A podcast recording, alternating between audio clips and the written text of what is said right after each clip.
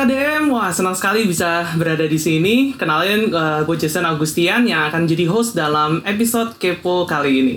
Belum lama ini kita baru saja melewati salah satu hari yang kayaknya ditunggu-tunggu ya sama para pasangan gitu ya. Hari Valentine atau hari hari kasih sayang.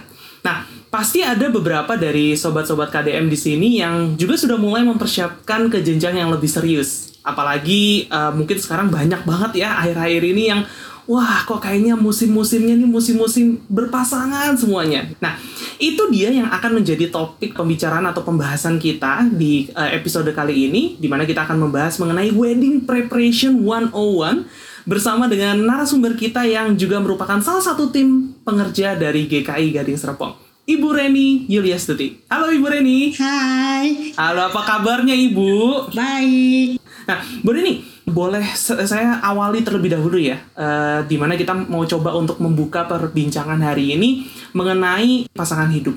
Mungkin ada beberapa dari uh, sobat-sobat KDM di sini yang uh, berpikir, aduh, kayaknya saya sudah bertemu nih dengan seseorang yang tepat gitu ya, atau yang mungkin orang katakan this is the one gitu ya, kalau bahasa zaman now lah kalau kita katakan. Nah, uh, dari Bu Reni sendiri, menurut Bu Reni Kira-kira apa sih yang menjadi ciri-ciri dari orang yang memang adalah the one atau si dia itu?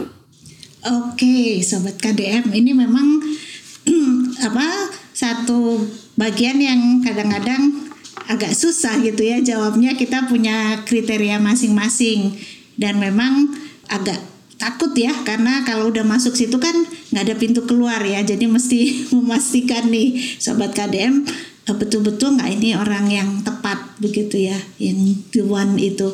Jadi kalau eh, kata aku sih ya waktu kita mulai menjalin hubungan dengan seseorang begitu nah ada beberapa hal ya. Yang pertama yang pasti ya harus sesuai dengan kehendak Tuhan nggak gitu loh.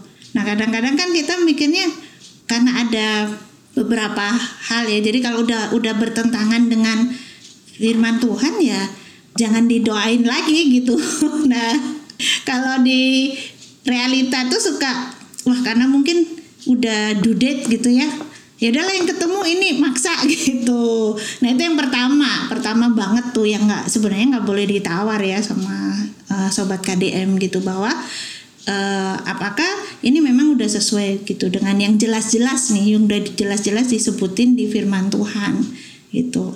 Yang kedua, uh, kalau aku sih melihat kita mesti punya istilah kerennya tuh wisdom gitu. Coba cek ya dengan standar-standar yang ada gitu nyambung nggak gitu. Yang paling pertama kan masa kita mau hidup dengan seseorang yang nanti selamanya ya terus nggak ngomong nggak nyambung gitu. Mama hah hah gitu kan ya susah ya jadi yang pertama mesti nyambung, terus teruji gitu. Jadi jangan buru-buru ya, baru kenal sejam dua jam terus wah this is the one gitu.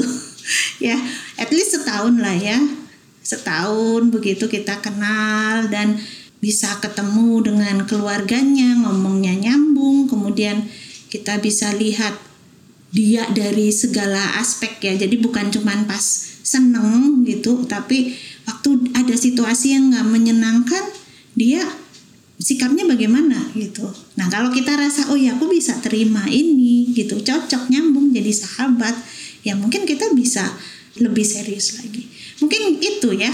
Baik Bu Reni. Nah kalau tadi kita sudah menemukan uh, mengenai ciri-ciri dari si Duan tadi ya yang sesuai juga tadi dengan uh, kehendak Tuhan dan lain sebagainya. Nah tapi kalau yang sudah saat ini sedang mempersiapkan nih Bu ke arah yang uh, atau ke jenjang yang lebih serius, kira-kira uh, apa sih yang perlu untuk dibicarakan gitu antar uh, pasangan? Karena tadi kan Ibu juga sempat ada uh, mention tentang harus nyambung satu sama lain. Nah, uh, dalam hal ini kira-kira perbincangan apa sih Bu uh, yang perlu untuk uh, antar pasangan ini bahas atau discuss dulu di awal?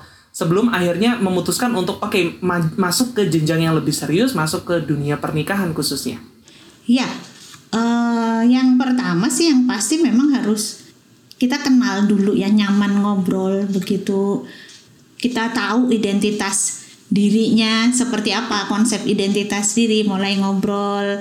Uh, mungkin sambil nanya-nanya tuh kalau aku dulu ya oh ya sharing nih ya sobat KDM jadi uh, karena kami LDR jadi langsung ngomong nih kamu sifat-sifatnya seperti apa? Gitu. Jadi uh, sharing gitu terus gantian oh, aku kayak begini begini. Jadi saling saling mengenal. Terus harapan-harapan ke depan itu seperti apa? Begitu.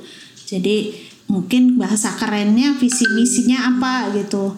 Ya ibaratnya kalau orang pergi kan mesti tentuin tujuannya ya kalau ternyata tujuannya beda gimana? Satu mau ke Bandung mau terus yang satu mau ke Bali kan nggak sama. Nah dari kalau udah kayak udah mulai itu ya mesti memang lebih di dalam ya. Jadi ngobrolnya mesti lebih dalam lagi. Kemudian nanti ada bicara juga kalau lebih jauh bicara tentang keluarga gitu keluarga besar. Karena kalau di kita itu menikah itu nggak cuma dengan si dia itu tapi mesti dengan keluarganya. Jangan sampai kaget-kaget gitu. Eh kok keluarga dia begini ya? Aduh cuek-cuek. Misalnya kan kita itu dari keluarga yang sangat open gitu. Semua orang datang. Eh ternyata si pasangan kita ini dari keluarga yang nggak suka gitu loh uh, ketemu dengan orang. Nah itu pasti kan berdampak ya. Berpengaruh ke si dianya nah ini kita mesti ngobrolin tuh banyak sih sebenarnya ya jadi uh, waktu mulai deket tuh ya mesti ngomongin gitu nilai-nilainya bagaimana gitu nilai-nilai apa sih yang penting jadi jangan cuman diskusi eh mau makan di mana ya kita gitu. atau tempat mana yang kita mau datengin gitu. Ya, tapi kita mesti bicara hal-hal yang lebih dalam. Keuangan juga penting ya. Nanti siapa yang memegang keuangan, terus bagaimana prinsipnya, kita boleh nggak nanti kerja terus gitu, siapa yang harus menghasil uh, mencari uang seperti itu. Kan kalau sekarang sih rata-rata kerja dua-duanya keberatan nggak? Itu aja banyak hal ya. Terus juga konflik ya ngadepin konflik.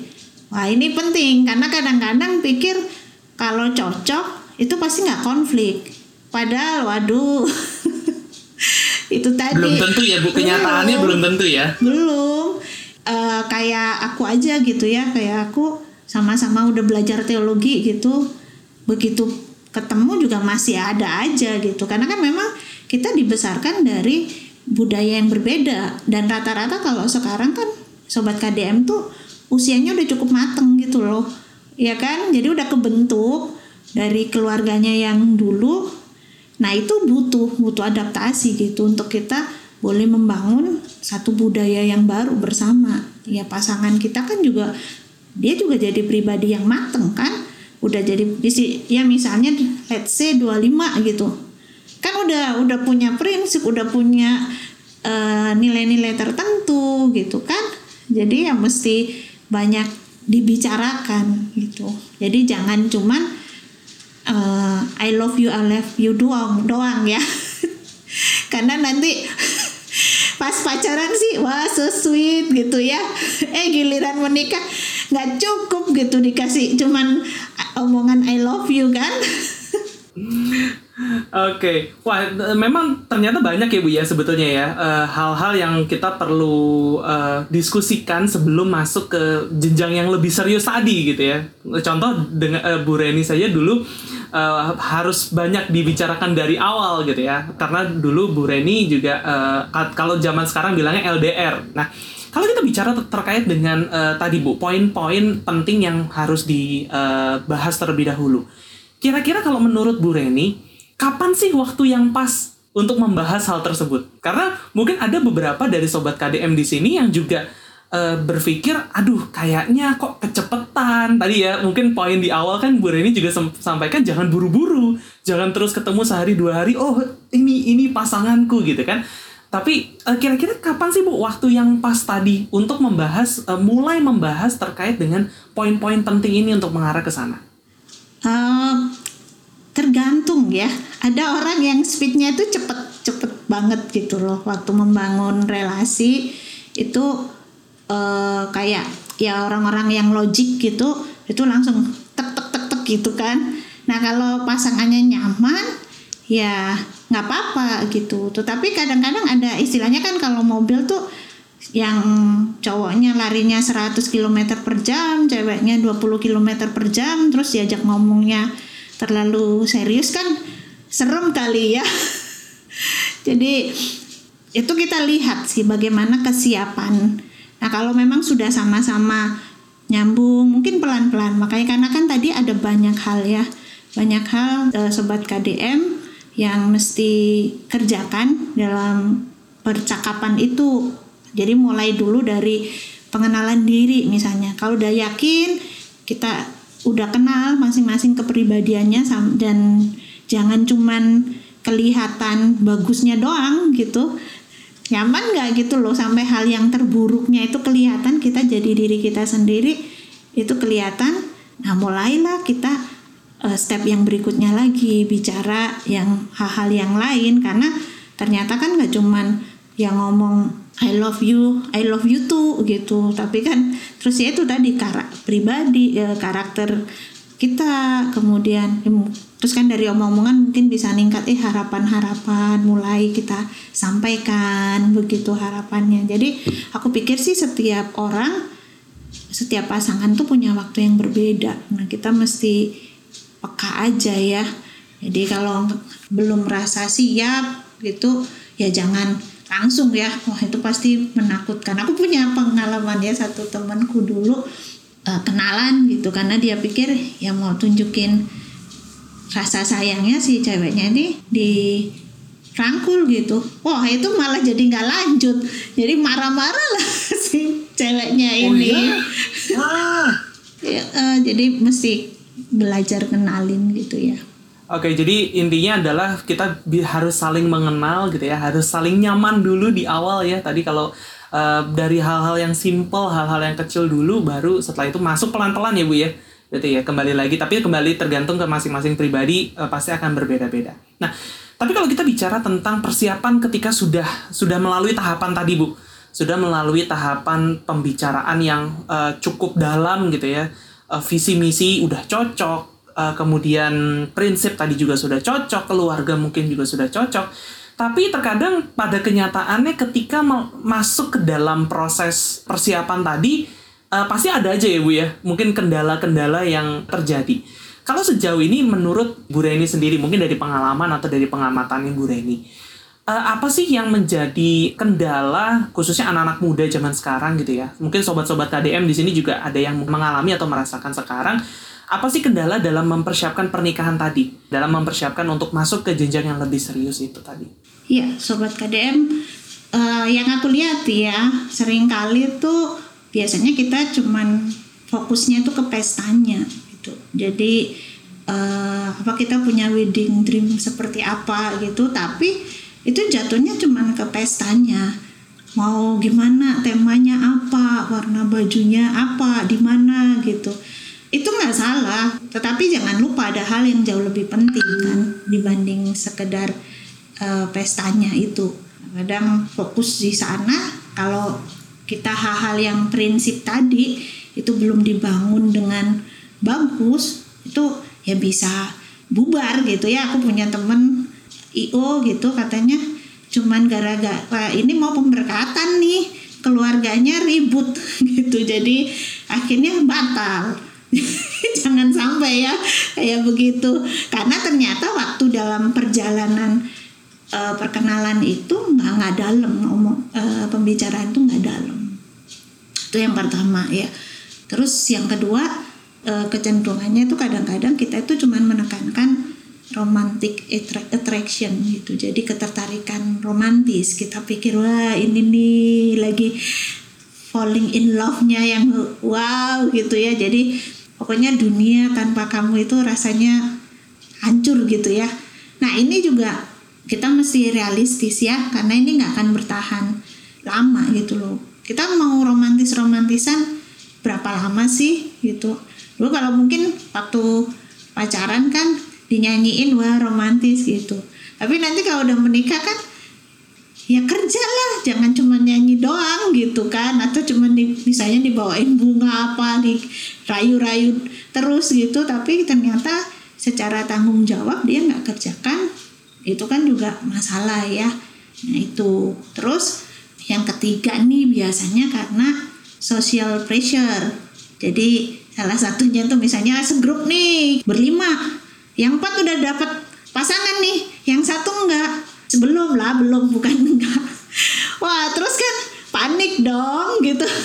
Terus secara umur juga udah cukup gitu loh ngerasa. Nah kan kita di negara kita ini juga rasanya ya memang sih sekarang batasannya tuh lebih mundur. Tapi tetap kan coba ada nggak yang risih kan kalau ketemu saudara-saudara tiap ketemu tuh kayak template aja gitu kan? Pertanyaannya kapan merit? Itu tuh sangat menggelisahkan kita. Mungkin jadinya kita aduh kita mesti buru-buru nih supaya dapat gitu supaya seperti yang lain supaya nggak ditanya-tanya. Nah jadi waktu ketemu seseorang uh, buru-buru gitu ya udahlah cepet kita nikah aku tujuannya cari istri gitu. Nggak cari pacar tapi cari istri terus kita ngelewatin tuh step-step yang tadi ya yang aku bicarakan. Mungkin itu ada banyak hal sih ya.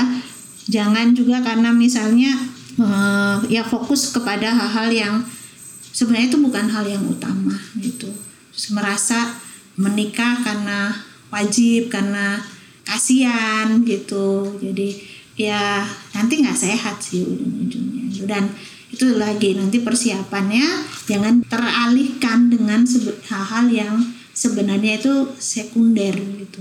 Masalah warna nggak cocok udah deh nggak nggak jadi gitu. Wah itu kan sebenarnya konyol sekali itu kali ya. Betul betul. Jadi jangan sampai dari hal kecil itu jadi merusak semuanya ya bu ya. Kalau pepatah e, karena nila setitik rusak e, susu sebelanga gitu ya. Jadi jangan sampai hal-hal yang kecil itu yang mungkin terkesan kalau zaman sekarang mungkin dikatakan receh gitu ya jadinya malah merusak semua visi misi yang sudah dibangun prinsip yang sudah disesuaikan uh, sampai sejauh ini. Oke, okay, uh, eh, kalau tadi kita bicara di awal juga tentang uh, mempersiapkan uh, beberapa hal gitu ya, Bu ya, terkait dengan tadi uh, mungkin uh, keuangannya bagaimana, kemudian kira-kira nanti untuk ke depannya misalkan uh, parentingnya gimana gitu ya. Nah, Uh, tapi kalau kita bicara tentang satu topik yang uh, sensitif bu ya mungkin untuk beberapa orang gitu ya bicara mengenai seksualitas perlu nggak sih eh, hal ini dibahas sebelum uh, menikah tadi? Kira-kira sampai sejauh mana gitu hal-hal tersebut uh, itu perlu untuk dibahas? Uh, perlu banget ya, perlu banget itu. Cuman memang nanti kita bicara sih hal-hal apa sih yang perlu kita bahas ya. Kadang-kadang kita bicara kalau ngomong seks kan langsung konotasinya itu negatif gitu. Padahal sebenarnya uh, sekarang sih aku rasa Enggak, enggak begitu ya. Kita sudah sangat terbuka. Tadi aku tuh banding-bandingin gitu buku-buku uh, bimbingan pranikah gitu. Kalau yang zaman dulu itu sampai dijelasin gitu fungsi organ khusus uh, pria wanita. Kalau sekarang kan kita nggak perlu itu udah kita bisa akses gitu itu terbuka gitu. Nah tapi yang paling penting memang kalau sebagai anak-anak Tuhan nih sobat KDM ya mesti pikirin bahwa ketika membahas seks di dalam uh, persiapan pranikah kita itu kita mesti menyamakan perspektif gitu loh. Jadi kita mesti memahami uh, ini pembicaraan yang penting ya seks menurut Alkitab itu seperti apa. Karena jujur banyak terdistorsi ya. Jujur kalau sobat KDM tuh sampai hari ini tuh banyak belajar tentang seks dari mana saya yakin sih dari orang tuanya prosentasenya sedikit sekali. Mungkin kita belajar dari teman kita atau mungkin dari Mbak Google gitu kan. Dan biasanya itu cenderung negatif gitu loh. Kesannya itu negatif dan itu akan berdampak. Sebenarnya itu pengaruh. Ya aku sendiri juga dulu seperti itu ya karena nggak nggak mendapat pendidikan yang cukup di dalam uh, masalah ini. Jadi memang kesanku itu negatif gitu agak negatif ya dalam hal eh tabu apa apa gitu. Tetapi ber, ya bersyukur sih ada kesempatan untuk belajar.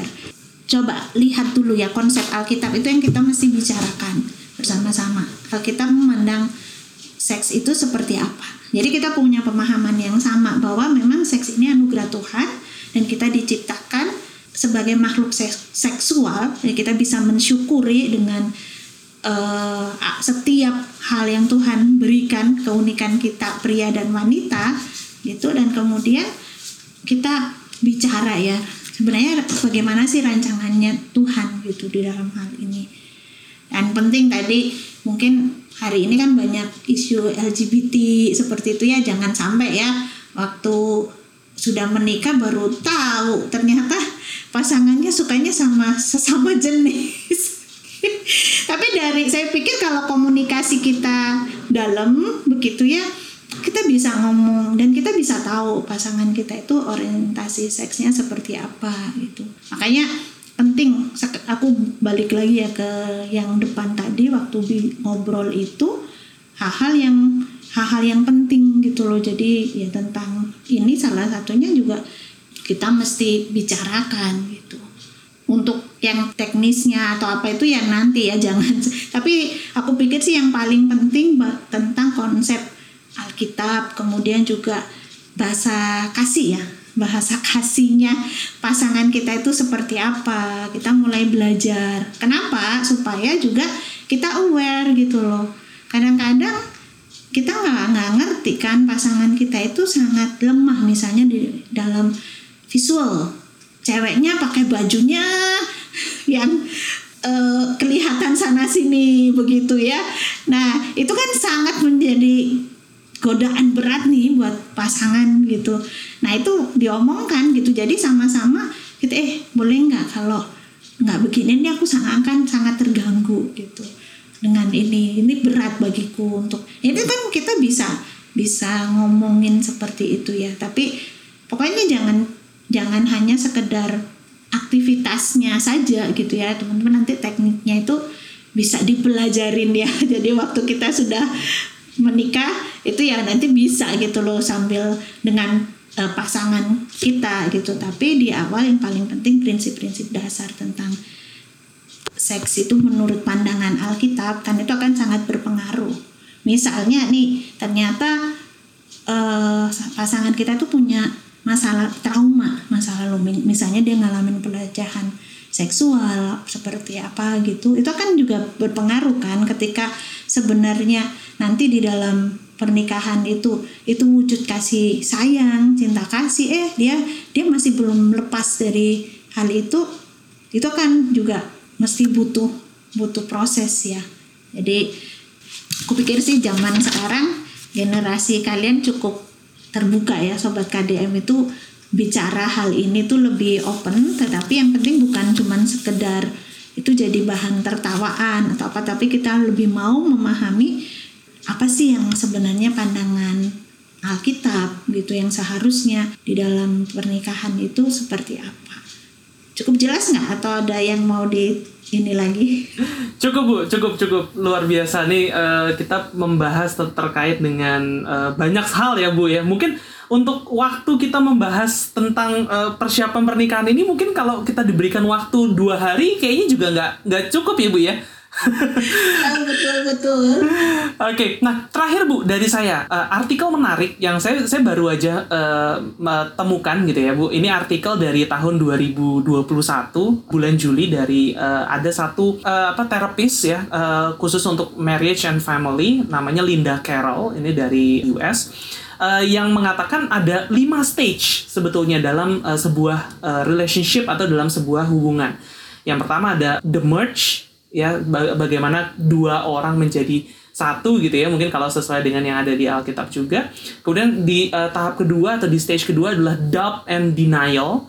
Ya jadi mulai di situ muncul konflik kemudian di stage ketiga ada disillusionment. Jadi uh, mulai di situ ketidakcocokan muncul. Stage yang keempat kalau dari dua stage tadi berhasil ada di stage keempat yaitu decision uh, sudah menentukan bahwa oke okay, this is the one dan yang terakhir atau di stage yang kelima yang ini mungkin didamba-dambakan oleh semua orang adalah wholehearted love. Nah, mungkin kalau dari uh, Bu Reni sendiri sekaligus untuk uh, menutup perbincangan kita di kesempatan kali ini. kalau kita bicara tentang wholehearted love atau cinta atau kasih yang betul-betul sepenuh hati gitu ya kalau kita boleh katakan itu yang seperti apa sih bu? Uh, kalau bicara teorinya ya itu seperti kasih Kristus ya. Kalau di Alkitab itu dibilang suami kasihlah istrimu seperti jemaat uh, Kristus yang mengasihi jemaatnya artinya sampai memberi diri. Nah mungkin tapi realitanya kan kita bilang ya saya bukan Yesus gitu. Mas, mana bisa? Nah tapi aku pikir uh, yang wholehearted itu adalah satu di mana proses ya kita betul-betul menundukkan diri di dalam komitmen. Jadi bicara pernikahan Kristen itu kan bicara covenant ya. Jadi bukan cuman uh, kontrak gitu yang bisa putus. Tadi aku baca juga menarik sih ya. Ini memang kita uh, jangan berpikir itu cari soulmate tapi soul. Jadi SOL jadi mesti belajar uh, melayani gitu ya jadi kayak soul sepatu gitu. Nah itu proses ya bagaimana memang kita menerima pasangan kita itu apa adanya. Ya klasik ya tapi ini satu hal yang kita harus bisa lewatin gitu loh. Ketika kita melihat hal yang paling buruk dari dia kalau yang bagus-bagusnya kan gampang ya. Kita oh dia saya menerima dia karena jabatannya karena kegantengannya karena apa itu gampang. Tapi pernah nggak kita coba gali tuh hal yang terburuk apa sih yang dia milikin gitu dan apakah kita bisa terima itu? Dan ini berproses ya berproses bagaimana kita menerima dan kita melihat bahwa janji ini bukan hanya dengan pasangan kita tetapi dengan Tuhan. Jadi betul-betul dengan tulus gitu dengan uh, apa ya yang membuat kita itu makin serupa dengan Kristus gitu loh. Jadi belajar untuk menerima dia dan kalau bahasanya Gary Thomas itu saling menguduskan karena nggak bisa retur lagi ya. Jadi kalau beli barang cacat dia mesti terima ya makanya mesti dipilih bener-bener gitu. Ya jadi kan ada proses-prosesnya. Jadi ya itu kita lewatin gitu jangan lompatin itu sampai kita tahap iya aku menerima dan aku mau ini jadi sarana untuk dipakai Tuhan untuk menguduskan kita. Jadi sekali lagi jangan hanya berpikir ya pasangan kita itu tujuan kita. Karena sekali lagi kita diciptakan bukan cuma sekedar untuk pasangan kita ya tetapi untuk satu hal yang lebih mulia gitu.